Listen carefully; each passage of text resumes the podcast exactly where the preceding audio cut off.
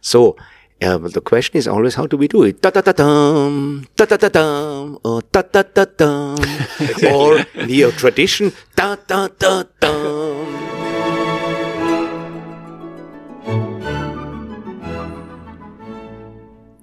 Het Grachtengordelorkest, Beertje Paddington Philharmonic en de Stroelel Symfonies van deze wereld. Allemaal mogen ze inpakken. Doe maar, stokjes afdraaien, violen mogen de pyjamatjes weer aan, klarinetten afkwasten, koperzever zelf graag opdwijlen. Deze week is namelijk van ons. Wij zijn regerend wereldkampioen Beethoven 5. Pierre, als jij even het beginnetje zingt. Pa pa pa pa. Heel goed. Dank u. Als nummer 1 op de ranglijst aller tijden gaan wij onze titel deze week verdedigen. Een dikke kans dat na ongeveer 30 minuten de staande ovatie onze deelgenoot zal zijn. Of we moeten een toontje lager. Blijkt het toch ineens weer moeilijker dan gedacht. Per deed het zo mooi net. Per, kan je nog één keer? Pa pa pa pa. Ja, precies. Ik twijfel nu toch ook ineens. Het kan dus op ontelbaar veel manieren. Tempo, intensiteit, articulatie, kleur. Het scala is eindeloos. Te grote aanbevelingen verzwakken het vertrouwen. Maar waar je op kunt vertrouwen is dat er altijd onzekerheid zal zijn. Dit misschien wel bekendste en meest gespeelde werk uit de klassieke muziekgeschiedenis wordt ook wel eens als noodlotsymfonie omschreven. Het lot van deze bekendste noten ligt dus in onze handen. Iedereen is bij deze van harte uitgenodigd om onze heldhaftige verrichtingen te komen ervaren. Wacht even, zei je nou dat wij wereldkampioen Beethoven 5 zijn? Wacht, wacht, hou dit vast. Oké, eh, welkom lieve luisteraars. Je luistert naar Een Toontje Lager, de podcast waarin vier orkestvrienden van het Rotterdamse Philharmonisch Orkest de ins en outs van het orkestleven met elkaar bespreken. Naast mij zitten altviolist en huiskolumnist Gallehet Samson, hoornest Pierre Buizer en mijn naam is Koen Stapert, ook violist. En eh, voor de trouwe luisteraar die denkt, waarom kondig ik Wim niet aan? Wim moet eh, helaas verstek laten gaan omdat zijn gezinslogistiek even in de weg zit. Maar die stormt misschien later nog even binnen, wie weet. Eh, ja, Galle, even terugkomend op jouw column. Wedstrijdjes in symfonisch repertoire, dat vind ik eigenlijk niks voor jou. Nee, dat klopt. Ik zag op de social media een bericht van een van onze allerbeste orkestvrienden, meneer Tom Gosselaar. Want die had een ehm, column, een stukje gedeeld van een eh violiste uit het Koninklijk Concertgebouworkest. Want eh, het Concertgebouworkest heeft net als wij een eh, glossy, wat eh, maandelijks, of ik, ik weet eigenlijk niet of het maandelijks is, uitkomt. Mooi, glossy. Ja, en wij hebben de Gouden Veer, Ilko Bijnema natuurlijk, die op het einde een mooi stukje schrijft altijd. En, en zij hebben Anna de Vij Mesdag. En zij heeft een heel mooi stukje geschreven. zij werd eigenlijk getriggerd door een recensie die er een tijdje geleden is geweest in de krant. Want wij speelden Ein Heldenleben en zij speelde uh, Alpensymfonie, dus eh, allebei van Strauss. En er werd een ontzettende wedstrijd van gemaakt in de recensie. En haar betoog gaat er eigenlijk over dat dat, eh, ja, je kan bijna niet verder afstaan van wat we aan het doen zijn. En dat vond ik eigenlijk heel mooi en daar ben ik het ontzettend mee eens. En, eh, Want die recensent maakte een wedstrijd tussen eh, Amsterdam en Rotterdam. Ja, de en- uitvoeringen daar. Ja, precies. En recensies kunnen heel erg mooi zijn, vind ik. Maar daar kleeft ook altijd een gevaar aan recensies. Sowieso eh, bij ons eh, blijven de afkraakrecensies altijd langer hangen dan de jubelende recensies. en we zijn eh, per definitie natuurlijk heel erg onzeker. Dus ik vind het eigenlijk wel een oproep waard om de recensenten uit te dagen om iets te duiden en iets op te schrijven wat ze vinden, zonder dat het te lelijk wordt. Zonder er een wedstrijd van te maken.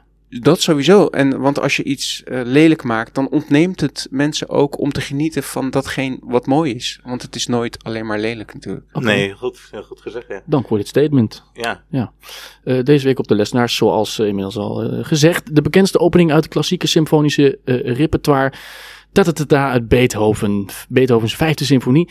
Ook wel beschreven als het noodlot dat aan de deur klopt, eh, waarmee er naar zijn toenemende doofheid wordt verwezen.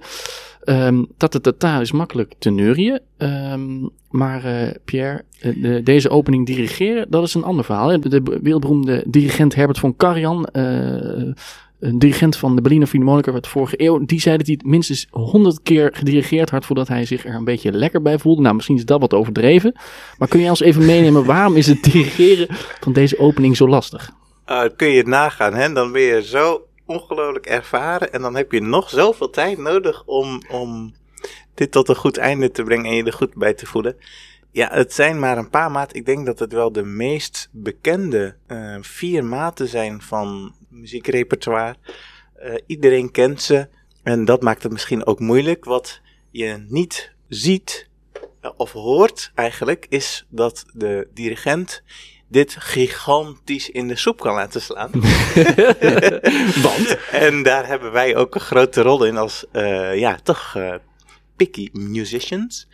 Uh, het begint, je zou het als je het hoort niet zeggen, maar het begint met een rust. En het is het allermoeilijkst als dirigent, zelfs soms als muzikus, om in de rust iets te doen waar niemand op reageert. Dus de dirigent die moet voordat we beginnen, moet hij een gebaar maken. En dan is het gewoon even stil. Daar, moet, daar hoort niemand op te reageren. Ja. Uh, en daarna moet iedereen uh, uiteindelijk wel reageren met pa, pa, pa, pa. Dus het is een soort vertraging. Maar hoe dirigenten dat aangeven is zo verschillend. En wij krijgen natuurlijk heel veel verschillende dirigenten voor het orkest. Uh, dus we hebben nooit een idee. Het is ongelooflijk afstemmen. Het is vertrouwen dat we, hij, voor hem dat hij weet wat wij gaan doen. En voor ons is het heel erg aftasten van, hé, uh, hey, wat gaat hij doen? Want Beethoven schrijft niks vooraf. Anders vraag ik even aan de dirigent, Manfred Honeck, hoe het voor hem is. Nou, dat is mooi, want hij, uh, hij zit hier aan tafel. Maestro Honeck, we're happy that you're back here with us in Rotterdam. And we're talking about the famous opening of this Beethoven Fifth Symphony because it's a tricky one. Do you have any strategy for conducting this notorious opening? Well, to uh, conduct the opening is actually the first thing what you have to, to do in the conducting school. We all learn that, and we always have an, an, a great ideas how to do, and of course we follow the teacher, and we have some traditions how to do it. But there is always a question: um, what kind of opinion you have about this opening? And you know, with um, Beethoven wrote um, Allegro con brio. Actually, in original it was called presto. Ooh la la. And it's quite quick actually, you know. And then half note he wrote and half note 108 in the metronome numbers. And we have to know that these metronome numbers were written in 1817, so long time, more than uh, nearly around 10 years or 9 years after the world premiere of the Fifth Symphony, he wrote the metronome numbers of all the pieces, sonatas and, uh, and the symphony. And this was the metronome, quite quick.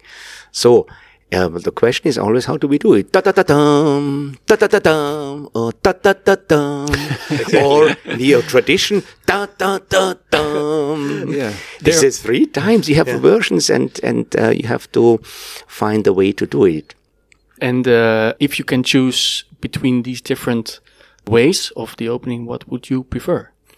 Well, I, as a conductor, you always ask yourself what Beethoven prefers. Hmm. And that's actually the crucial thing, um, what I think is mo most important. So I found um, a very wonderful um, description of the Beethoven's uh, fifth beginning from Egon Voss, um, a music scientist um, in Munich, and uh, he wrote about that. He said, um, he, or he wrote, you know, that um, Anton Schindler has written in his first biography. We have to know Anton Schindler has written three biographies.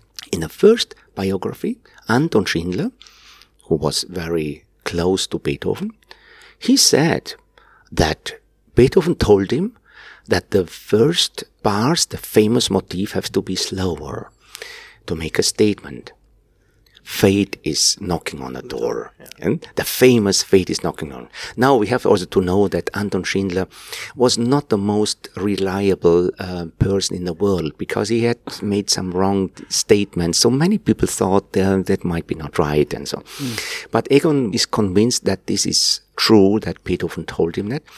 And even he wrote uh, the metronome number. So for quarter 126 so that indicates this first uh, has to be slower and then after the second fermata go in tempo allegro con brio. Now this I thought to do this and I must tell you I love it. Nice, nice. So the, the fate cannot knock on the door too too quick. Exactly, because that's obviously it, um, what Schindler said. You know, it, it has to be much more im, im, imposant and, and effective and dramatic, and, and it's already here. But I must also admit, uh, the quick tempo is also good. Why not? You know, it is. Uh, you actually can ask the question: Why didn't uh, Beethoven write that? You know, he could also say that. hmm? because it's quite fast, you just have a few gestures to trust on the orchestra. Yeah, it's much easier for the conductor than for the orchestra. That's the reason why I, uh, I choose to be conductor. yes, bravo. well, uh, you choose to be a conductor, but you have a huge experience in as a viola player in your previous musical life, right? Um, do you keep an eye on the viola groups where you conduct? I can imagine you miss playing the viola. Well, um, I must disappoint you. I'm uh, not practicing anymore to play the viola. I love the instrument, but uh, not practicing for weeks and weeks and then touch the instrument again. It's actually frustrating if you, because uh, you know you know you, you know what you have uh, been able to play. But um, but it is beautiful to be uh, in an orchestra and like you, this you're, you're really a fantastic orchestra, and and what you are um, uh, know how to play, how to listen, and that's the same when I'm conducting now. Um, I feel immediately how I was in my time when you gu- when you play together and listen together and, and feel the music. That's actually the actually in the end the most important. And by the way, it, I'm happy if the viola players look to me. So Oh, And uh, uh, one other very interesting piece in the program is the Larghetto of Macmillan. And did we understand correctly that you have a special relationship with this Scottish composer? Yes, uh, James Macmillan um, appeared uh, several times in uh, in Pittsburgh, and I have um, actually asked him one time, please write a piece for us, and um, and he, I have no time. He was very busy, uh, and I listened to his wonderful choral pieces, and one of these choral pieces was Miserere, and I loved this piece. It's so great, and I said, listen, James, please please uh, write this for the orchestra. And that's the result. And, Fantastic. and I love this piece very much. And I'm so proud to do this here with you and in this great hall. And, and it will be a wonderful experience. This is nice to hear that that uh, the influence of you. Can, special request. yes, exactly. It's We're looking forward as well. Yeah, it, will be a great piece. You cannot miss that. Of course, Wow. Beethoven 5 you should never miss, of course, you know. And, and, and even a Schumann uh, cello concerto is Concerto, very yeah, seldom played. Exactly. And, uh, and then the Macmillan, wow, it is a new piece and a great piece and, and very mysterious. Okay. Well, we're very, hap- uh, very happy to have you back, and uh, we will see you hopefully very soon again. Thank you for now. Definitely tomorrow. Yeah? For the rehearsal. I will have a look. it's wonderful to work with you. It's fantastic. Thank, Thank you you. so much. All the best. Take care. En dan te bedenken dat Beethoven ook nog eh, doof werd en ook nog doof heeft gedirigeerd. Je zou dit maar doof moeten dirigeren. Nou ja, maar. Eh, wisten jullie trouwens dat de Philharmonie in eh, Parijs eh, trilkussens gaat aanbieden aan doven en slechthorenden, waarmee deze de muziek van binnenuit kunnen beleven? Dus eh, het kussen kan op de borst of op de rug worden geplaatst, waardoor de trillingen van de bespeelde instrumenten voelbaar zijn. Het, het zit nog in de experimentele fase. Dat is wel heel nice, zeg. Ja, hè? Kan ook op podium misschien. Voor ons. Voor mij. Wie weet wat er dan zou gebeuren. Ehm, Beethoven die eh, leed vanaf zijn 28e aan toenemende doofheid. Heeft er ook van alles aan gedaan om die doofheid eh, eh, ja, tegen te gaan. Ja. Carla, daar weet je meer over. Eh, ja, ik heb natuurlijk eventjes gekeken. Hij is heel dapper geweest. Ik denk dat het wel een beetje aangeeft eh, hoe wanhopig die werd. Maar hij heeft eh, zelfs bloedzuigers geprobeerd. Ik weet niet of hij die, aan zijn oor heeft gehangen of wat hij daar dan mee deed. Maar en giftige planten. En hij heeft eh, badjes genomen met eh, donauwater. En eh, katoenen bolletjes in amandelolie heeft hij in zijn oren geduwd. Klinkt alsof de doktersbehandeling toen ook nog in de experimentele fase zat. Ja, elektrische schoktherapie. En uiteindelijk heeft hij zichzelf ook behoorlijk opgesloten.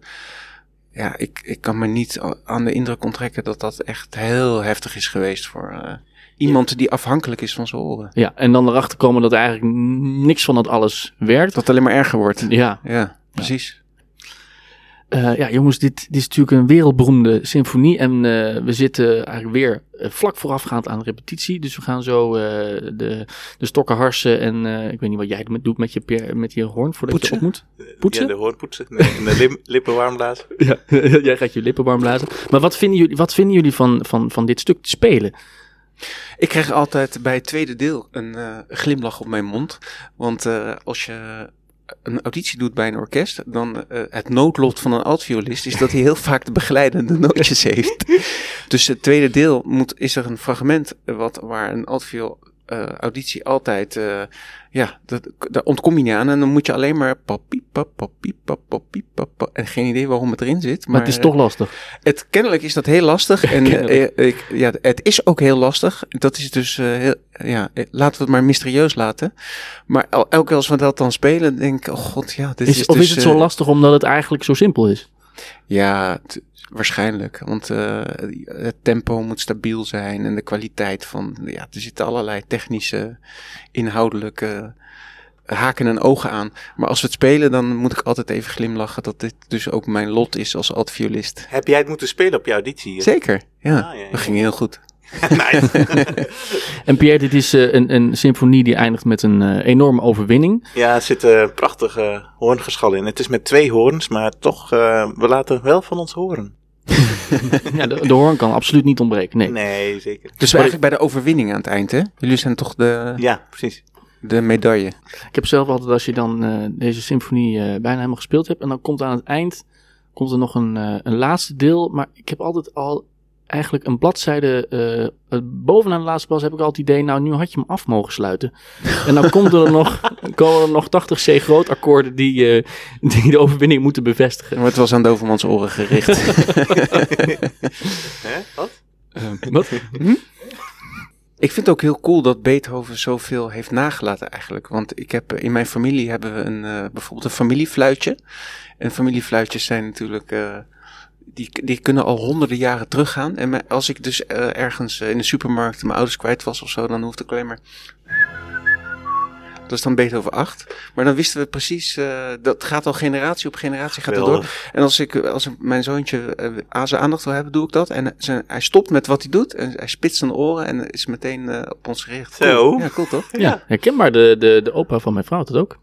Ook voor de Oh, supermarkt. Beethoven? Ja, ook Beethoven 5. Beethoven 5 Beethoven zelfs. 5, ja, voor in de supermarkt. En Dus, ook eh, generaties lang al het familiefluitje. Ja, ja, ja, als hij bij de, bij de wasgoed bij de Ariel stond en eh, was zijn vrouw kwijt en die stond bij de pindakaas, dan was het even Beethoven 5.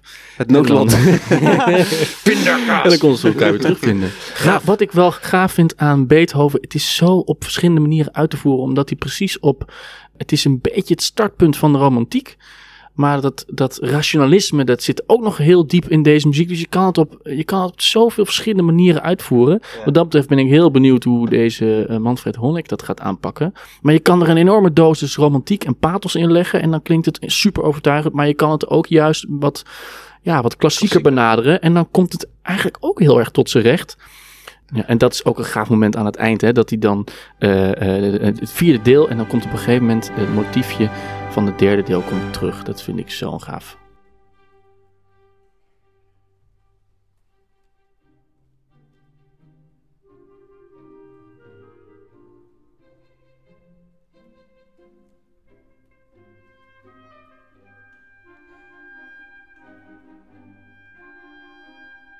Dat is, ja, dat is... eh Dat is heerlijk. Ik ga naar je kijken als je dat zo... eh, dat is goed, kijk maar. Ja, als we ik daar ook. zijn. Ik moet, moet ik al achterom kijken, dat wordt Ja. lastig. Om dat te zien of je kijkt. Eh, op de lessenaar staan ook nog werken voor, eh, voor cello solo. Het celloconcert van Robert Schumann. En een werk van de componist Vali, The Girl from Shiraz. Nou, daar laten we ons eh, door verrassen. Maar dit alles wordt voorafgegaan door een larghetto van Macmillan. Een eh, Schotse nog levende componist en dirigent. Kennen jullie deze eh, Macmillan? Nou, ik had nog niet zoveel van hem gehoord, dus ik ging, dat, eh, ik ging weer mijn huiswerk doen. En toen dacht ik, eh, het zal wel weer, het is een schot, dus het zal wel van die moderne schots en scheve muziek zijn. maar het is super mooi dat Larghetto. Het is echt, het thema van het programma is volgens mij ook een beetje het verlangen naar, naar een soort genade en, en, en het, de zelfreflectie die daarin zit. En het, uh, dat, ik, ik luisterde naar dat Laghetto en het begint met een hele grote solo van de cello groep. En het, uh, ik, ik zag echt uh, Braveheart, de film voor me. Ja. Met, dat hij dan met de wind in zijn haar en net 200 mensen afgeslacht heeft. En een soort denkt, wat is dit voor een... de wind in zijn haar in slow motion. In slow motion en dan die cello's die dan heel nostalgisch eigenlijk, uh, ja, dan is het een beetje te laat voor compassie. Maar uh, ja, het is heel filmisch en ik vond het echt heel toegankelijke muziek. Dus dat, dat spreekt me heel erg aan. Okay. Dat celloconcert van Schumann is natuurlijk ook heel melancholisch. Dat is weer de, weer, weer wat, ja, misschien nog wel dramatischer. Maar dat neemt je ook mee in de, ja, ik weet niet of het innerlijke strijd is als het gaat om melancholie. Dan, dat is natuurlijk ook multi-interpretabel. Want je kan, uh, je dat heeft een droevige ondertoon, maar ook een je, het is ook een soort reflectie op tijden die geweest zijn. Dus het is ook, het is gewoon een, uh, het, het hart luchten met een, met een, een cello die eigenlijk vrijwel direct begint met het celloconcert. En ik vind ook het, de, cello, het, bij uitstek het, uh, het instrument om dat te vertalen, dat, die emotie te vertalen. En Schumann was natuurlijk een meester in om uh, te wisselen van de ene emotie. We hadden het bij Malen er al over, maar als er iemand ook goed is van de, om te wisselen van de ene naar de andere emotie, Pierre, dan is het Schumann wel. Nee, Schumann, de timbre van de cello vind ik ook altijd prachtig. En wat Galahad ook zegt, dat is ook, het komt, het raakt je diep, het raakt ook de menselijke stem. En de klankkleur van de cello is bij uitstek geschikt om uh, deze mate van uh, zelfreflectie en deze sfeer ja, te vertalen. Te vertalen, te laten weer klinken. Vind ik mooi ben benieuwd ook naar de solist Kian Soltani. We gaan het, uh, we gaan het meemaken. Uh, nog even kort, uh, we hadden het een paar keer gehad over de, de nieuwe chefdirigent, waar we nog steeds naar op zoek zijn. En dat, die zoektocht gaat door. Ik, is er nog nieuws uit dirigentenland?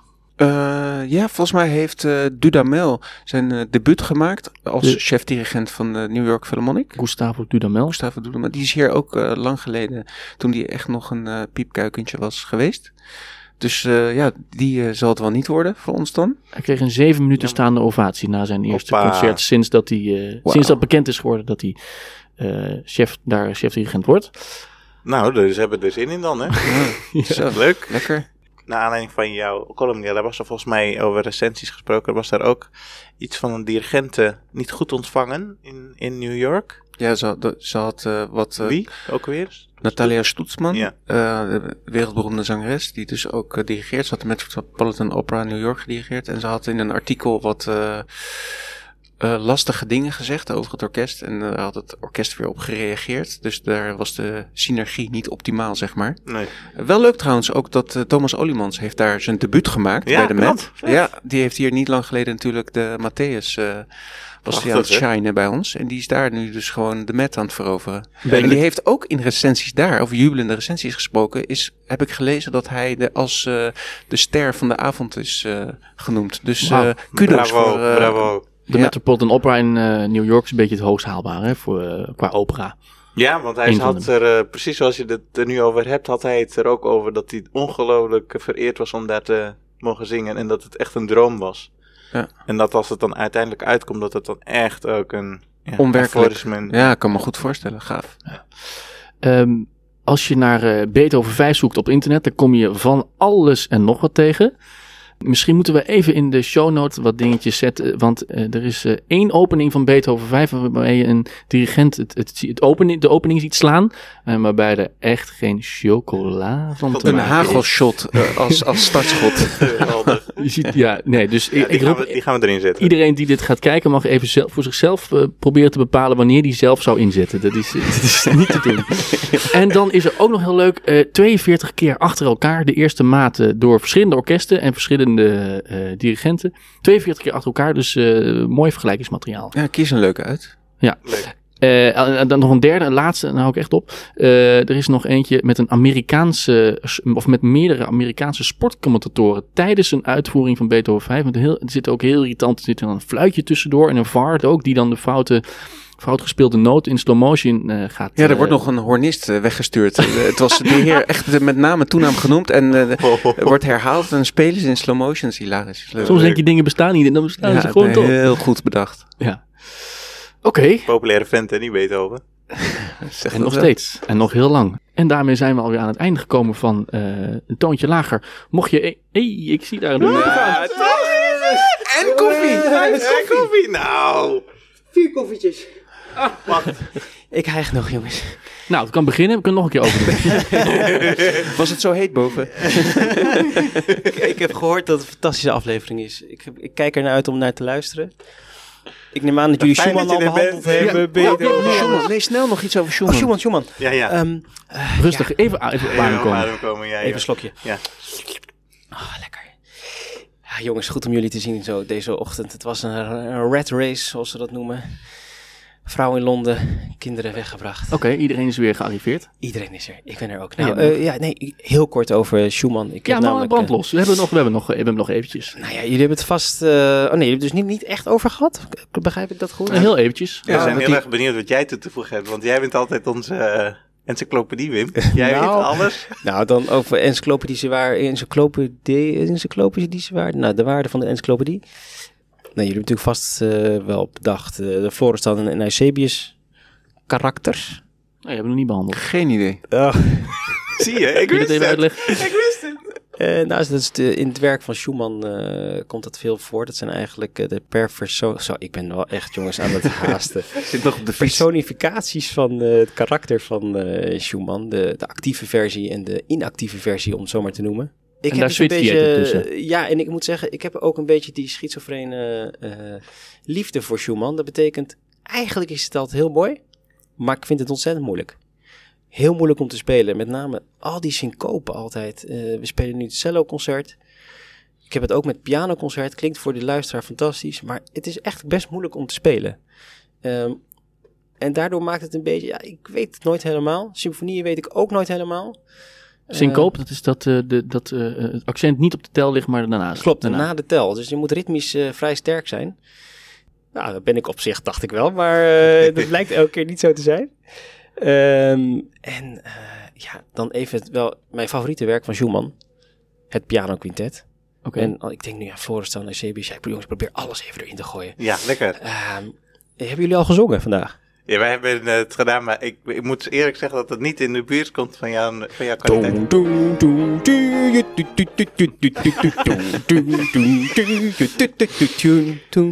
Oké, dat, is een, dat is het uitstapje naar het, eh het piano quintet. Nee, het quintet. Het is duidelijk de Florestan.